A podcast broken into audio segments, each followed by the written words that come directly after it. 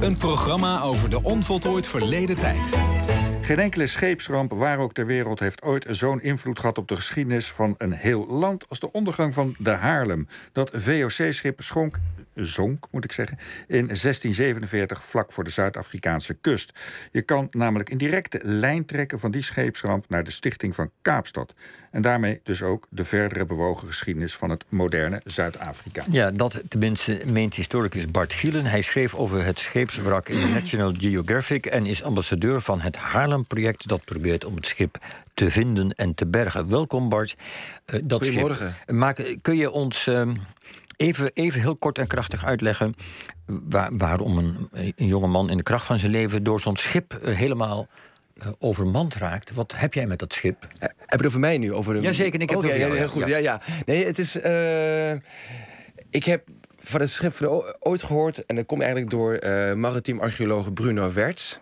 Hij, is, uh, hij komt uit Weert, maar hij woont al sinds 1988 al in Zuid-Afrika. En per toeval ben ik hem uh, op het spoor gekomen toen ik enkele jaren geleden voor National Geographic een filmpje presenteerde over uh, Tutankhamon en de ontdekkingen door Howard Carter. En ik maakte in het filmpje de vergelijking met Howard Carter, die ook al jaren bezig was met het, met het vinden van het graf van Tutankhamon, met, met, met Bruno Werts, die ook al 30 jaar bezig was met het vinden van dat, de Haarlem. En ik had er nog nooit van gehoord. Uh, gewoon een keer een, een artikeltje. En toen een Bruno Werts, die, uh, ja, die had het via via gehoord. En zo zijn we met elkaar in contact gekomen. En, uh, en toen heeft hij mij een boek opgestuurd... dat hij ook had geschreven over, over dat schip, over de Haarlem. En toen dacht ik, ja, dit is gewoon zo'n fascinerend verhaal. Voor de allereerste keer ooit dat gewoon Europeanen daar gaan stranden... in die Kaapse duinen. En dat door het hele stranden van een schip ja, Kaapstad ontstond en daardoor ook de hele multi, uh, multiraciale en multiculturele geschiedenis en, uh, van, uh, van, ja, van Zuid-Afrika eigenlijk. Ja, Door dat ene. Ver, vertel even, wat is er toen precies gebeurd in 1647? Nou, het is, de Haarlem was een VOC-schip, een standaard type retourschip. En dat het, maakte deel uit, bestond eigenlijk uit drie schepen. Het was een mini-handelsconvooi uit de Haarlem, de Witte Olifant en de Schiedam. En die vertrokken uh, vanuit Batavia in januari 1647, volgeladen met uh, dure specerijen, indigo, kamfer, foelie, peper, nootmuskaat, voeren ze richting Amsterdam. Want dat was de thuishaven. En die schepen die raakten elkaar al, al redelijk snel al, door een storm uit het oog. Maar men had afgesproken, jongens, we gaan elkaar treffen bij Tafelbaai, net boven Kaap de Goede Hoop. Want dat was de plek waar ook heel veel schepen standaard uh, even zouden gaan uh, uh, pauze houden om vers water te krijgen en eventjes weer te gaan, ja, zeg maar, een her, herbevoorraden. En um, dan is het 25 maart 1647 en de Haarlem komt aan in Tafelbaai en op dat moment is het windstil. En in de verte ziet de kapitein ziet, uh, een andere schip voor anker liggen. En men besluit polshoogte te gaan nemen. Dus er gaat een sloepje gaat, uh, gaat die kant uit. Wanneer het plotseling begint te waaien uit het niets. En ik weet niet of je ooit daar bent geweest in de, bij de Kaap. Dat kan, het kan heel verraderlijk waaien. En, um, en de Haarlem wordt als het ware door een oprukkende oostenwind naar de kust geblazen. En de kapitein is helemaal verrast. Probeert nog met, met, met de zeilen mee te varen. Maar het schip wordt echt tegen de kant aange, aangeblazen, als het ware. We gaan nog een anker uitgooien.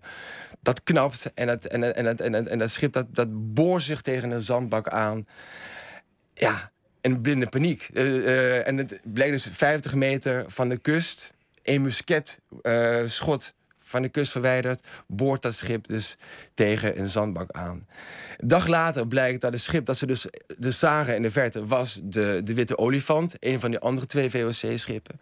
Maar dan heb je dus echt een, een, een, een, een hels dilemma. Een schip volgeladen met specerijen en met, en met 120 mannen aan boord.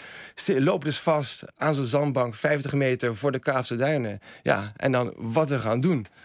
En dus vindt heel kortsachtig overleg plaats met de officieren van de Haarlem en van de Witte Olifant. Ja, wat nu te gaan doen. En uh, men kan nog een deel van de lading kan men nog overhevelen naar de Witte Olifant. Maar de rest, ja. ja we moeten even een sprongetje maken. Ja, zeker. Een sprongetje naar, ze gaan ook contact maken met de plaatselijke bevolking. Ja. En dat, dat gaat eigenlijk gewoon goed.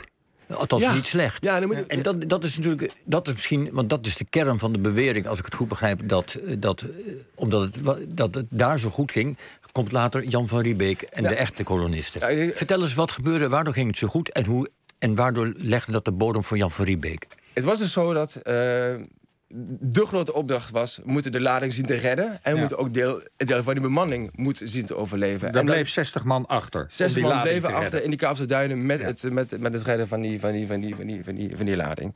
En ze inderdaad, ze kwamen dus in contact met de oorspronkelijke bewoners... die door eh Leonard Janszoon, de onderkoopman, die dus achterbleef... die werden de strandlopers genoemd. En in eerste instantie waren, was men heel erg huiverig voor die mensen... want men dacht, ja, dit zijn kannibalen, dat werd een, eh, verteld en dergelijke. Maar het bleek dat het gewoon hele aardige mensen waren... die ook net zo nieuwsgierig waren... zoals de, de, de Euro- Europeanen naar die, eh naar die koi koi, later de hottentotten. An, en, ook, en ook andersom. En er vond eh, ruilhandel plaats. Eh zeker nog, het waren zulke goede contacten... dat de bemanning is uiteindelijk een jaar lang eh, heeft daar overwinterd. In die Kaapstad een jaar lang onder de meest verschrikkelijke weersomstandigheden. Niemand, niemand is omgekomen. Ja. Omdat ze daar eh, was voedsel te krijgen, eh, water en dus die goede contacten met die mensen. Ze zijn dus gasvrij ontvangen. Heel gasvrij. Keer een jaar later of zo worden ze opgehaald en worden, komen ze weer naar Nederland. En dan vertellen ze dat rond. Ja. Dan gaat Jan van Riebeek met nieuwe schepen. Die gaat zich daar vestigen. Omdat het Ja. zo gasvrij is. Ja. Is dat nou iets waar men in Zuid-Afrika van zegt achteraf? Ik geloof dat eh, Jacob Zuma, of hoe heet hij? Jacob Zuma, van pre- president van de, de, de Zuid-Afrika gezegd heeft in 2005. Al onze problemen begonnen met Jan van Riebeek. Eh, daar begon de ellende met de Europese aanwezigheid in Zuid-Afrika. En ehm, eh, is daar dan op terug, kijkt men daar nu op terug, waren we maar niet zo gasvrij geweest? Heeft men spijt? Nou, kijk, dat hele verhaal van dat overleven van die bemanningsleden van die Haarlem en die goede contacten, dat is compleet niet bekend. Is, het verhaal is gewoon niet bekend. Niemand weet van het verhaal af. Ja. Dat is dus, dus de oorspronkelijke, wat je zegt, van, als je denkt aan VOC en contacten, dat, dat is altijd ellende en eh, dat, botst en er is alleen maar komt nadigheid van. Maar dit is het voorbeeld geweest eh, dat er dus wel hele goede contacten waren. Bijvoorbeeld die eh Leonard Janszoon, die onderkomen, die zei letterlijk, jongens, we moet, je, je moet die mensen met harmonieuze en, en vriendelijkheid bejegenen. En je moet ze ook betalen voor hetgene wat ze doen. Dus Ja. je, moet ze niet onder druk, je moet Er is, er is gewoon niet geluisterd naar deze man. Dat Nee, hadden we nee, beter wel kunnen niet. doen. Ja. Dus we kunnen het ook omdraaien. Je kunt inderdaad ook zeggen van... het is een voorbeeld van dat wit en zwart wel samen kunnen. Daar is Absoluut. een kleine 400 jaar Absoluut, voor nodig geweest. absoluut, maar het, het kan ook als nu alsnog als positief gaan gelden. Het is, het is achteraf gezien, het is altijd makkelijk achteraf lullen... maar het is achteraf gezien, de VOC had nooit Jan van Riebeek daar moeten, moeten gaan neerzetten. Dat, was, dat is de kardinale fout geweest. Leonard Jansson heeft gezegd, jongens, als er, als er eh, iemand is...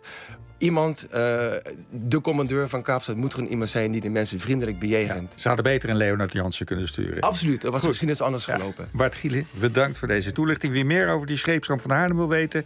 lees de National Ge- Geographic Historica. Daar staat een stuk erover in. En check Haarlem 1647 Project voor meer info... over de zoektocht naar de Haarlem. Wij maken